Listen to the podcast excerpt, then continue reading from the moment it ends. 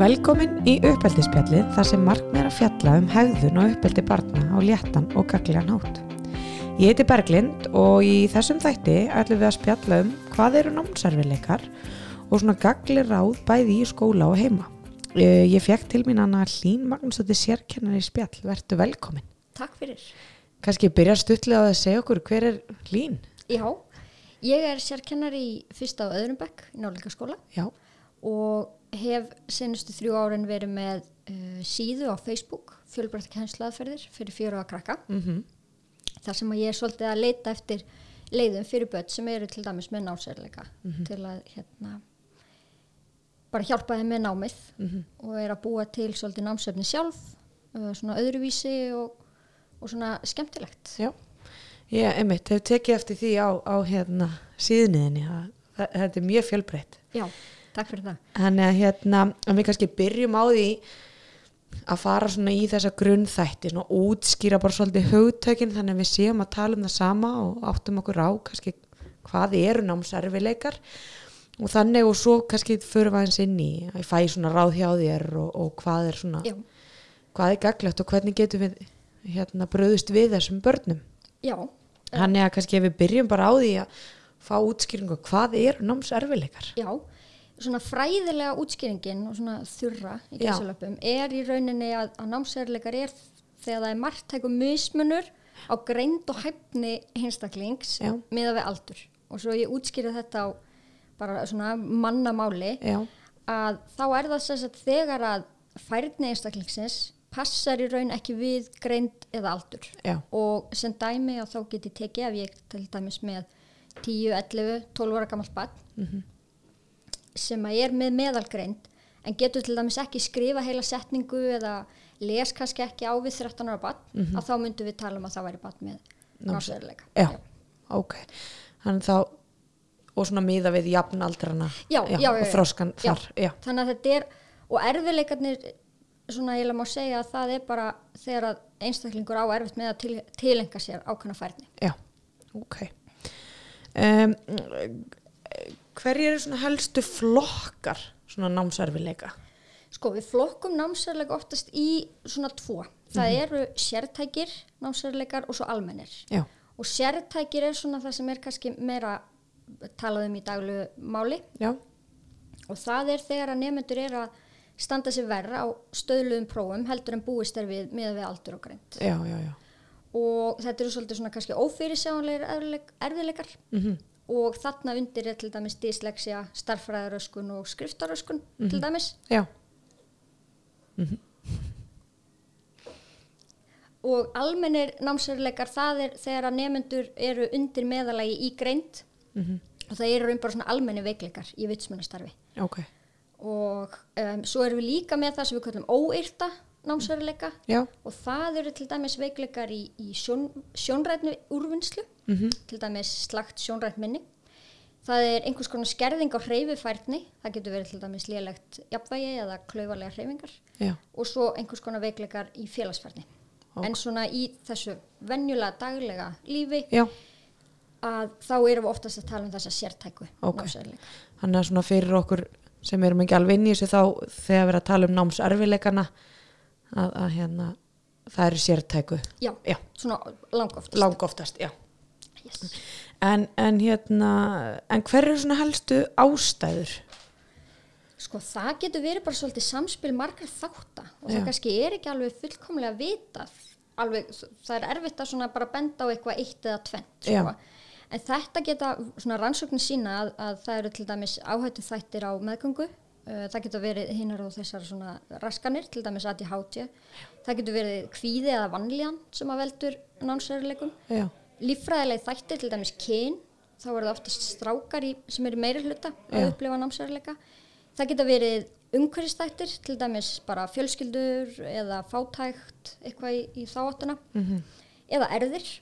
Og svo getur í raun verið líka eins og skortur og áhuga eða óárangusrykar kennslaðferðir sem að valda eh, námserfileikum eða námsvanda hjá börnunum já, þannig að það þarf oft líka að horfa á heildamyndina, hvaða Mhm. er í raun sem er að valda, hvort það sé bara áhugaleysi eða hvort að kennarinn er ekki að ná til barnana eða, eða hvort það séu einhverjir einhverju líffræðileg þættir eða eitthvað svoleiðis. Mhm. já, já, já en hérna uh, en hvernig sko uh, byrtist hvernig getur námserfileikar svona, hvernig byrtinga myndin eiginlega Sko, það getur verið á í raun á margan hátt. Já. Þetta er oft svolítið svona, já, það getur allt byrst svolítið á, á ólíkan hátt. Mhm. Mm ef við tökum til dæmis námsvandi í, í lestri, að námsörleika í lestri, já, þá getur það byrja strax sko þegar börnin eru mjög ung og getur byrja til dæmis sem bara slök hljóðkjörusvitund. Þau er erfitt með að klappa eða að klappa atkvæði eða erfitt með að rýma mm erfitt með að þekkja hljóðin í sundur, erfitt með að læra bókstafina og eftir því sem að þau verða þá eldri, að þá í raun getur verið sko að þau að bara þau lesa hægt, leskilningurinn er, er lítill og þau að til dæmis erfitt með að meðtaka kannski fyrirmæli, Mhm. þannig að það er svona mikilvægt í raun að, að greina vandan sem fyrst, þannig að það sé hægt að grípa inn í já, en, og eins líka með eins og með starffræði ef, ef börn eiga í námsvanda með starffræðina að þá getur það byrja sem bara svona erfileikar við að, við að telja erfileikar við að skilja og nota starffræðileg hugtök og táknin og gera kannski oft ykkur að villur og svona þannig að það er svolítið, maður þarf að vera svolítið bara vakandi fyrir hverju byrtingamynd eh, fyrir sig en er það þá bara getur maður séð þetta svolítið strax en svona með þryggja fjóra rabatt þú veist, með talningu eða, eh? Já, í rauninni þá er oft hægt að sjá þetta mjög snemma oft á tíðum, ég ætla ekki að segja alltaf, nei, en oft á tíðum og það eru til dæmis gerð alls konar þroskapróf áður en batt kemur í skóla, einmitt bæði á heilsugæslunni og, og svo er hljóm 2 gert í leikskóla já, og þá í raun kemur oft í ljós að það er einhvers konar frávik -hmm. þannig að það er rosalega mikilvægt að grípa strax þarna inni -hmm. og þetta að, að býða og sjá það er orðið svolítið úrælt í dag já, að það á bara að grípa inn í ef bara virðist vera með einhvers konar vanda á einhverju stíi, einhvers staðar -hmm. að bara grípa inn í strax, strax og maður upplifur alveg að leikskólar eru þar sko, Já, er, að- já, svona byrjar eins og með talið og, og, Algjörlega. og þaðan, þú veist já, eins og þú veist að tala um þetta sjónræna eða þú veist, já, það líka að að hérna, en er samt þú veist um, er byrtingamyndin samt ólík eftir aldri, nú kom ég aðeins inn á- inn á hana, litlu börnin, þú veist, yngri Já, ég myndi alveg halda að, að oft á tíðum sko að þá þá oft þetta kemur svolítið fram líka finnst mér í svona líðan og hegðun já, og þar finnst mér oft koma ólíkt fram bara hvernig börnin sjálf náttúrulega taka á sínum námsvanda og, og hvernig viðhorfið þeirra er gagvart skólanum mm -hmm. mér finnst það líka oft vera svolítið svona aldurs aldursvarandi já þannig að hérna uh, hún er bara ólík eftir hvenar deila e- Já. er gripið inn í eða átt að segja á því já, í rauninni sko Já. og, og það er oft talað um líka sko að, að eins og ef ég bara tek sem dæmi ADHD að, að þau börn sem að sína meiri kvatvísi og ofvirkni heldur en aðteglisbrest, það eru börnin sem er frekar tekið eftir og fara þá fyrir greiningu að því að byrtingamyndin og þeirra röskun er þannig já, þannig að og, og sama með eins og uh, krakka þá sem eru með, með aðteglisbrest, það er kannski ekki tekið eins mikið eftir þeim fyrir en setna á, á, sk- í skólanum Já, ömmit. Eh, a- hérna, að því að nú komstu þarna rétt inn á eh, með líðan og hefðunina, hvernig getur námsærleika haft a- þú veist, svona áhrif á þú veist, það að hvað leiti?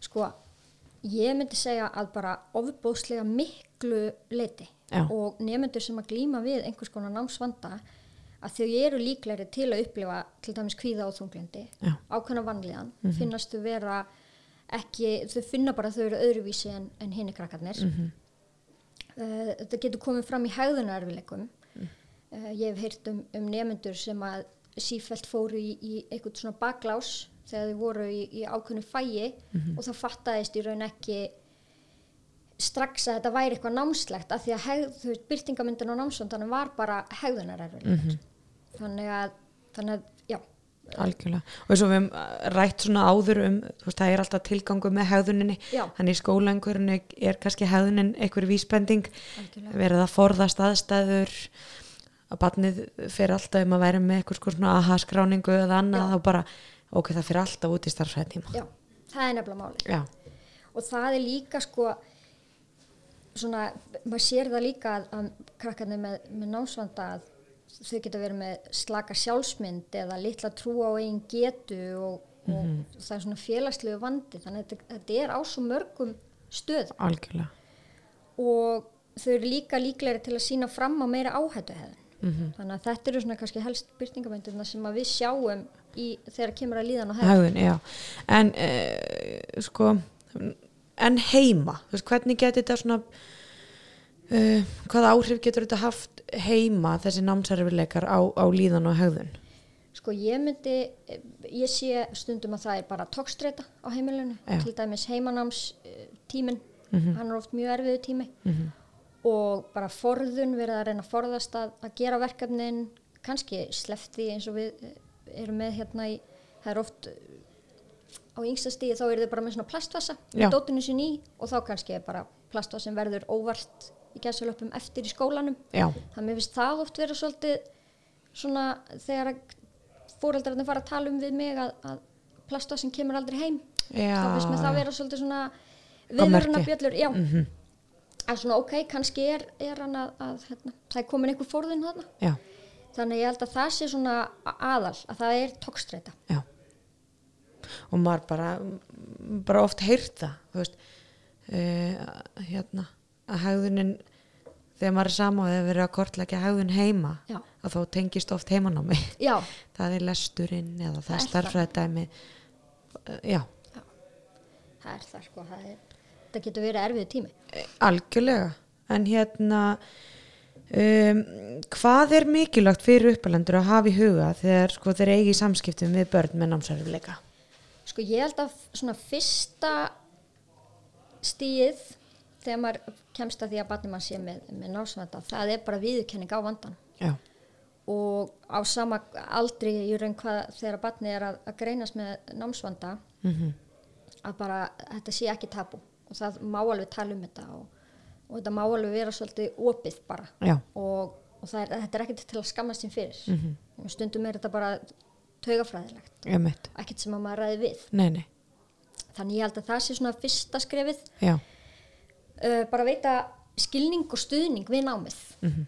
eins og ég heyrði sögu um eina sem að fóreldrarnir lásu Já. fyrir hana einmitt í mörg ár, Já. það lásu fóreldrarnir þannig að, þarna er verið að leita leiða já, til að bræðast við vandanum eða erfileikunum sem, eiga til stað, eh, sem eru til staðar algjörlega já, og bara svolítið að hugsa líka út í sko hvernig er umhverfi og aðstæði nefndans og það þarf svolítið að huga að tilfinningarlegum, félagslegum og námslegum af því að þetta spilar svolítið allt saman já, Þannig ég held að það sem mitt ráð til uppalenda í, sem er í samskiptum við, við börn með, með námsvanda, það er bara skilningur, viðurkenning, stuðningur Mhm.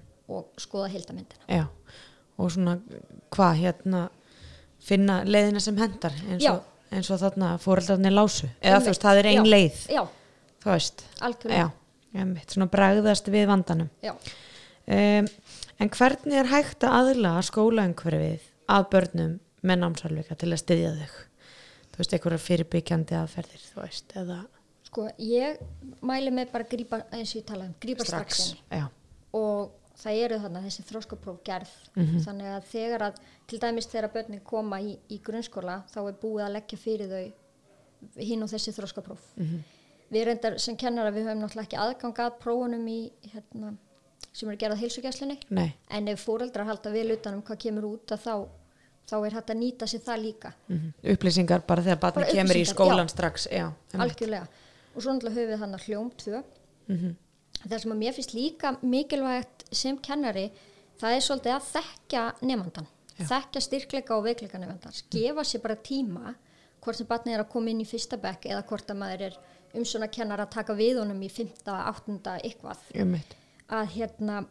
gefa sér tíma til að kynast honum, kynast styrkleikum, veikleikum og geta svolítið komið í veg fyrir árekstra með því svolítið að þekka inn á nefndan og þekka til dæmis einhverja tryggara ef hann hefur einhverja og bara svo eru líka svona fyrirbyggjandi hlutir eh, sem að þarf kannski að hugsa út í eins og bara í, að við erum í skólastofu að hvar á nefndan að sitja Já, hendar honum að sitja aftast Já. hendar honum að sitja fremst það er svolítið svona þú veist, pæ, pæla Ah. svolítið algjörlega. í þessu og líka bara eins og hópaskipting hvort hann, ef það eru alltaf árekstrar í sömu tímunum, er kannski eitthvað sem maður þarf að vinna með með hópaskiptinguna Mm -hmm.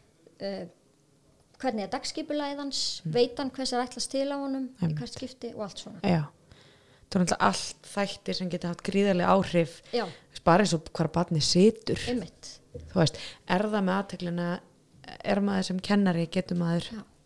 að því ég hef líka heyrt sko hluti eins og þú veist, ég var með bat sem var með, er með hérna, aðteglisprest og, Mhm. og þá svona, já fyrsta hugmyndin var, látum að sitja fremst Mhm. nema þá var hann alltaf að kíkja fyrir aftan sig hvað eru allir hinir að gera og hann var alltaf að kíkja alltaf, "Ó, hvað er í gangi fyrir aftan mig já.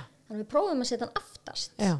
og þá allt í einu bara eitthvað, ok ég er bara með sínina, eða þú veist ég, Já, fer ekkert fram hjá mér. já, Já. þú veist, ég bara get hort yfir allt þarf ekki að snúmi við og hann áttu auðvöldar með einbjöldsir Einmitt. þú veist, þannig að bara svona pínu litli hlutir Já, og það er náttúrulega eftir því sem að þau verða eldri eins og við töluðum um áðan um Mhm. aldurinn, já, eftir því sem þau verða eldri þá náttúrulega vonu við að þau sjáu sína, sinn námsvanda Mhm. og átti sig á hvað virkar fyrir þau einmitt. þannig að, og ég minn eins og bara þegar maður er í mentaskóla sess maður ekki alltaf í sama sæti það þegar það Já. er þægilegt sæti og, og maður veit að þú veist þetta, Al- þú veist, að maður getur lært hér Já, einmitt. og, og maður lærir þú veist, þannig að þú, þegar þau eru aldrei þá er líka kannski orðin meiri þau eru þroskari Já. að læra frekar inn á þessa erfileika sína Já. ok, ég les alltaf á tölvu eða ég Já. les, þú veist algjörlega og ég held að það sé líka ef það er viðkenning á vandanum strax og Já. stuðningur strax einmitt, en líka það eru svona bara utanakomandi þættir sko sem að hérna, þú veist, sem kennarin sjálfur getur stýrt náttúrulega þú veist, eins Mhm. og að þekkja tryggarana og, og hópa skipting og eitthvað svoleiðis en líka bara þættir sem að tengjast nefandanum sjálfum eins Já. og bara áhugasvið, að við þekkjum áhugasvið hans og vera sveigjanleg eins Já. og til dæmis með námsmat þurfa allir að skila 20 blasna reitgerð, þú veist, Einmitt. getur hann gert til dæmis vídeo, Já. þessi nefandi eða og bara svolítið að hjálpa nefndanum að prófa sig áfram Já. eins og til dæmis með hljóðbækur og, og svo náttúrulega okkar sem kennar hann að að vera með skýr fyrirmæli afmörku verkefni Mhm. gefa þeim pásum, sangjarnar kröfur já, þú veist, við slökum ekki á kröfunum við höfum þar sangjarnar já, einmitt þannig að, já, þannig að við erum bara að bregðast við barninu þarna Já. hva, það sem það stendur í rauninni en, en eins og sko um, ef barn, bara þú veist til dæmis neytar að gera tiltekin verkefni þú veist, hvernig er þetta að bregðast við í skólaumhverjum í þeim aðstæðum, þú veist, þú ert í tíma og Sko mitt ráð er í raun alltaf að forðast í rildið. Já. Það gerir engum gott að fara að rífast við nefndan á svæðinu fyrir framann alla, það bara aldrei. Nei, Um, niðurstöðna sem að maður fær úr því er líklega að, að hann ríkur út eða hann brotnar niður í tíma. -hmm. Þannig að, að sjálfsögðu viljum við forðast það. já, Um, ég held að það sem er, er bara gott að gera í aðstafanum það er náttúrulega að finna bara svolítið út hvaða er það við þetta verkefni sem hann vill ekki vinna mhm, og finnst þeim verkefnið erfitt, er Mm. það leiðilegt, er það óskiljanlegt, stundum er það bara þau veit ekki hvað þau að gera og Já. þau fara í baklás. Og sem dæmi að þá heyrði ég af, af einu nefnda sem átti að gera leskiljansverkefni og það var um hund mhm, og barni bara brotna niður og neytar að, að vinna þetta verkefni og, og kennarin gefur sér tíma og fer svolítið að spurja hver vildi ekki vinna þetta og Mhm. eitthvað svona og þá eh, komst sem sagt kennarin að því að hundu barsins að þið dáið um helgina æ, einmitt, þannig að bara að þetta reyf upp eitthvað sár já, einmitt, þannig að það í raun var þú veist ástæðan var svo einföld Mhm. og hún fekk bara les skilningsverkefni um kött í staðin Já. og, og málun var rettað einmitt, þú veist þannig að það er líka þetta að kennari þarf að vera sveigjanlegur ég held að það séu örfóbönn, ég hef allavega ekki séð það ennþá mm Mhm.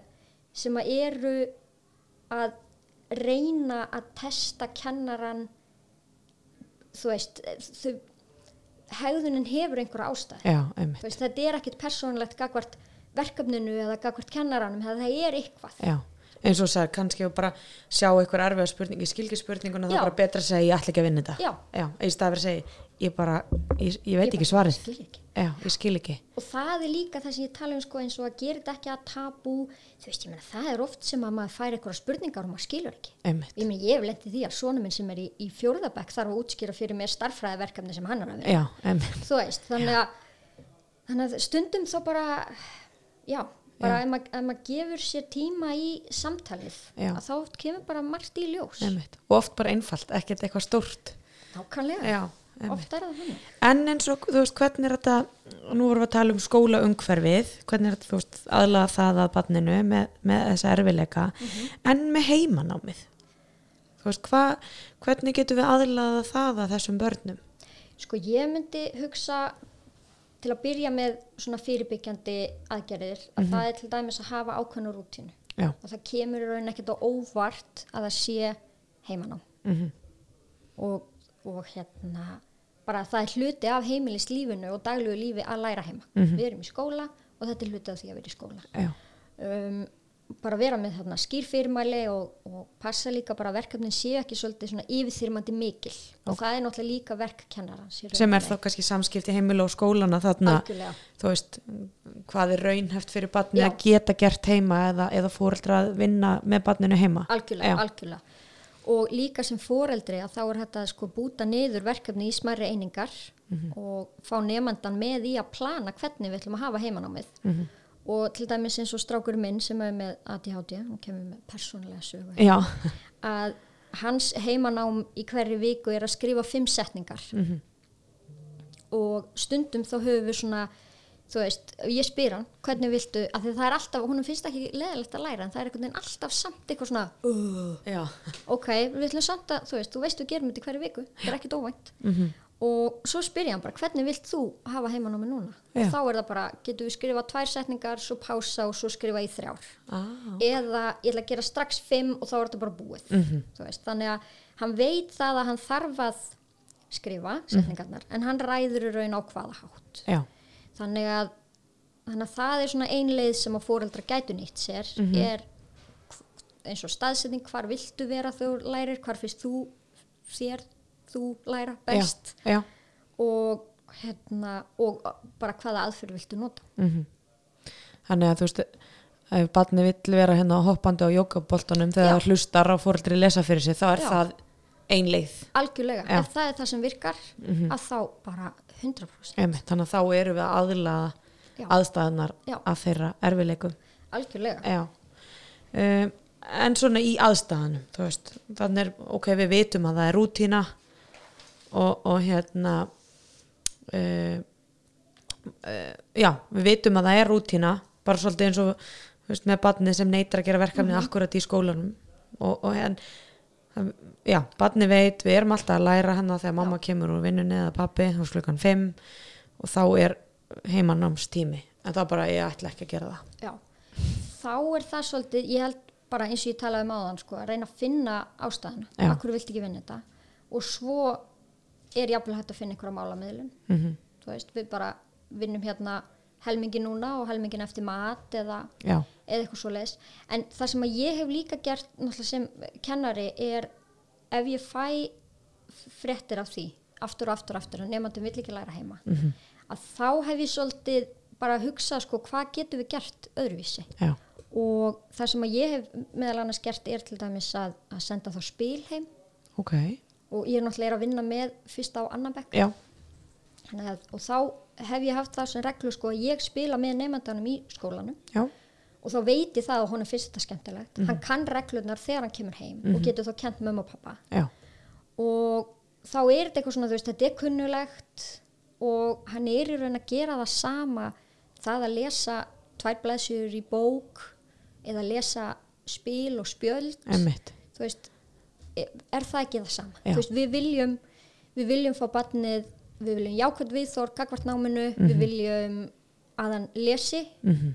og en hvaða leiðan fer að því það er kannski ekki endilega Nei, þannig að markmið okkar sem fullanir aðal er að barni lesi, en hvaða leið við gerum Já. það, það er þetta aðlega það að barninu. algjörlega Já. að því ég meina ef heimanámið er oflókið og mikið þá, þá getur nefnandi farið í baklás Emmitt. og hérna, þannig já, það er svona Og gætu skapar svona neikvæ, neikvætt viðhorf til Já. heimanáms eða Algjörlega. eins og fóreldrar þekkja líka, þetta er, þetta er ekki eh, skemmtilegu tími, hann er krefjandi, það fer að verða svona neikvætt eh, svona minnstur kannski í kringum þetta. Í Þú veist, algjörlega. Ok, þá veit ég hvað ég er að fara út í. já, Já, hann er bara, hvernig getum við gert þetta svona nokkuð skemmtilegt en það sé samt lærdómur Já, algjörlega. Og þá, það er allavega það sem að við höfum gert stundum, það er að, að eins og ég kalla það kvíla bókina já, í gæsaleppum. já, Og, hérna, og líka ef, ef fóreldri er að upplifa þetta aftur og aftur í aðstæðunum að barni vill ekki læra að, að tala við umsjónakennara og, Já. og reyna að fá hann með sér þá í lið. einmitt Af því að það er hægt að finna út alls konar leiðir, maður þarf bara svolítið að prófa sér áfram. já, einmitt Þannig að það er allavega mitt ráð. já, bara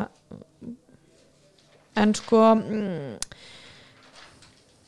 þú hefur aðeins náttúrulega komið inn á þetta þú veist, þe- þegar vorum að tala um hvernig við getum aðlaða sko, hérna eh, bara umhverfið bæði heim og í skólanum að börnunum en sko, hvernig getum við eh, haft börnin með þú veist, að því við viljum alltaf hafa börnin síðu þáttakandur að, Algjörlega. hérna, að, hérna, þau náttúrulega það, þú komst náttúrulega aðeins inn og svo vorum að ræða markmið kannski að lesa Mhm. en hvernig þau gera það það er kannski einleið um, þannig við getum aðlaða þetta bæði skólaumhverfið og, og heimanámið að þeim að þau verði þáttakandur þú veist hvernig getum við Sko ég myndi, það, er- þetta er náttúrulega allt spurningum samskipti, tröst, stuðning.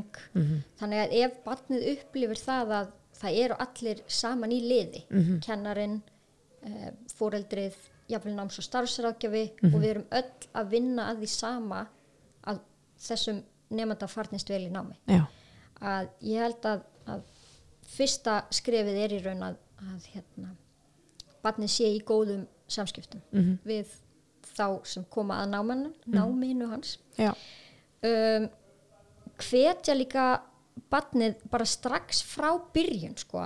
þetta er náttúrulega kannski auðveldra þegar maður er með úlinga sem að kannski hafa meiri sín inn í sinn námsvanda -hmm.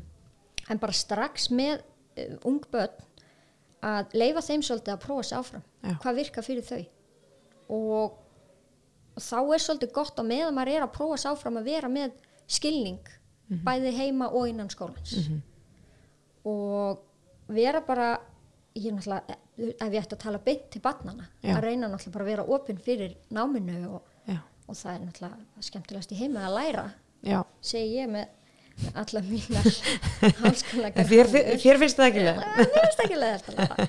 en, en líka þú veist það eru til svo margar aðferðir Já. og bara eins og þú veist hljóðbækur er það eitthvað sem virka betur mm Mhm. er þetta skila verkefnum til dæmis munlega, vídeo velja viðfangsefni sjálfur þú veist skipti máli hvort að rítgerinn sé um eitthvað hérna nú þetta mér ekkert í hug þú veist einhverja á lagstælu eða Já. má ég skrifa um, um Liverpool skilur þú veist Já. eitthvað Einmitt. eina sem þetta er í hug já, þannig að líka svolítið að bara að, að hann nefnandinn sjálfur finni það að það er komið til mótsveða já, emmitt að því ef ég þyrti sífælt í vinnunni að vera ströggla, já, vinna með viðfangsefni sem að mér finnst hundleðileg og mjög erfið og eitthvað sem er algjörlega út fyrir bara minn áhuga og mitt bara getu svið já, að þá væri ég mjög fljót að gefast upp emmitt þannig og ég held við þurfum líka svolítið að hugsa þetta að, að náttúrulega þú veist, þetta er nám á að vera skemmtilegt Já. og við viljum ná til þeirra þegar þau eru ung -hmm. og, og halda þeim að þetta sé gaman Einmitt.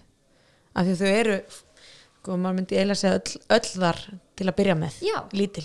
Þau eru Algjörlega. bara, þau eru svampar. Já. og börn eru líka í eðlisínu forvitin Já, og við verðum að nýta þessa forvitni -hmm. þangað til sko, bara alla æfi já, og ég meina, þú veist, það er ástæðan til dæmis af hverju, já, ég tek mig sem dæmi, já, þetta er náttúrulega ekkert eðlilegt en hérna að þú veist, ég bara þekkingin sem að mig langar að að, þú veist, mér, mér langar svo að vita svo mikið já, þannig að þá náttúrulega bara nýti ég mína leiðir til að, til að læra -hmm. og mér langar svo að aðrir upplifi þessa miklu löngun í þekkingu já, nú er ég mjög háfleg Einmitt. en, en það er það sem að mér langar að sjá þegar að krakkar eru í mentaskóla og þú veist lengra, háskóla og öllu einmitt. að bara að þau finni það að það er komið til móts við áhuga þeirra og að þau geti sérhæft sig í því sem þau hafa áhuga á Já, og eins líka, veist, maður er kannski með litla gutta sem að vita allt um Minecraft -hmm.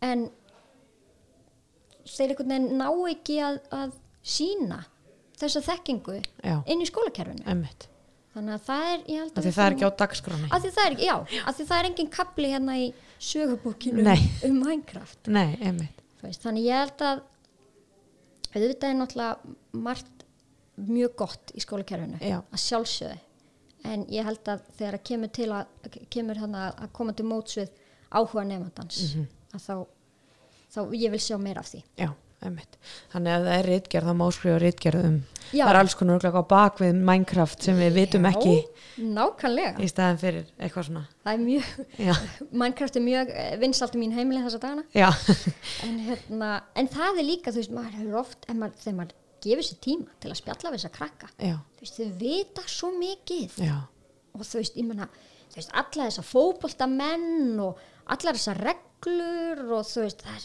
það er indislegt að hlusta á 6-7 ára gamalt barn segja frá sína áhugamáli emmitt það er bara alveg magna mm af því það veit oft miklu meira en við um Já. þetta áhugamál sko. ó já, já, og líka bara þú veist að ég menna eins og þegar ég fylgist með krökkunum mínum í Minecraft, þú veist, ég veit ekki einu sinni hvað það er að gera, Nei. en einhvern veginn náðu þú veist, það er bara magna Já. og það er líka, maður á víst að lesa ykkur á bók til að setja, þú veist, það er allt í þessu Mhm. þannig að ég, ég kom ekki enga til að auðlýsa Minecraft samt, Nei. en, en, hérna, en mitt ráð koma til móts við áhuga nefndans og þá finnur nefndin það er hlustað á hann emmitt og hans viðhorf og hans upplifun skipti máli já, þú veist að hann á ekki bara að fara inn í einhvern kassa þar sem hann þarf bara að lesa þessa bók og þessa bók og þessa bók svo á hann bara að gera rítgjör um þetta Mhm. og hafa svolítið svona já en, en sko hvernig er hægt að hátta hérna svona samvinnu heimili og skóla þegar barnið með námsverfileika ég myndi segja um, að foreldri og kennari séu samtaka já, þessi tröst og stuðningur báðum einn mm að við sem kennari við sínum fóreldrónum það tröst að þau, þú veist, sinni heimanáminu og, og allt þetta Já. og að kennarin, nei og fóreldrið hefur tröst á okkur sem, sem kennari barsins. Mhm. um, við getum lært af hvort öðru, alveg rosalega já, og fóreldrar eru að sjálfsögðu snillingar í, í sínum og sérfræðingar í sínum börnum já, og þannig að mér finnst oft gott að taka bara svolítið spjall hvað virkar og, og hvað virkar ekki mm og eins líka að, að fóreldrar geta lært ímislegt af okkur kennurunum emmitt um, bara kvartning og, hérna, og bara gagkvæmu skilningur en náttúrulega bara alltaf af hennu góða Já. Mhm. og samheldni, nú er ég búin að segja alveg fullt af fallegum alls konar- orðum alls konar Mjög- falleg orð já, En líka eh, utanumhaldið, að það séu markvissir teimisfundir. Já. Það sem er farið yfir eh, bara hvað hefur gengið vel, hvað hefur gengið verð, Mhm. hvað þurfum við að gera, -hmm. þurfum við að kvíla bókina eða já, þurfum við að hafa munleg próf, eitthvað svo leis. já, Skipta niður svolítið ábyrðinni, finnst mér, og ég seg- ég segi ábyrði í svona gæsalöpum að, að kennarinn til dæmis passar að heimanámið sé skýrt og vel framsett, Já. en, en foreldrið síðan sinnir því að verkefnu eða heimanáminu sé sinn já, já, já emmitt þannig að hérna og líka bara að, að bæði kennari og foreldri síni barninu að þau hafa áhuga á því sem barnið er að gera já, að því að, eins og ég segi, börn er í, í eðli sínu forvitin og, og vilja þeim finnst líka gaman að segja frá Einmitt. Þannig að þau finni að það sé þannig að það eru allir saman í þessu Já. markmiði að, að námið gangi vel Já. eða því sé mætt já, að það sé bara svona svolítið megin algjörlega já, við erum, við erum öll í sama liðin já, og svo finnst mér líka mikilvægt að, að hérna að nýta til dæmis þegar það er eins og í heimanámi eða, eða hérna í, í skólanum að Já. nýta fleiri skínfæri ok og að það er hægt að nálgast námsefni á svo fjölbreyttan hátt já. Þú með Vissi- eitthvað svona dæmi Já, eins og bara vídeo eða fá að, að hérna, kannski er einhver sem er bara snillingur að teikna en á erfitt með að koma frá sér texta Mhm. þú veist, málaði þá bara mynd og segði mig frá myndinni og já, þú veist að það sé bara hvaða aðferð henda barninu best að læra -hmm. og ég meina það eru kannski einhverju sem eiga erfitt með svona að vinna á blaði en kannski hrikalega auðvelt með að vinna eitthvað í höndunum já, og þú veist, akkur eigum við að vera eitthvað slökku á þeim áhuga eða þeim styrkleika. algjörlega Þannig að, og ég menn svo náttúrulega bara rannsóknir segja að því fleiri skinnfæri sem eru notuð Mhm.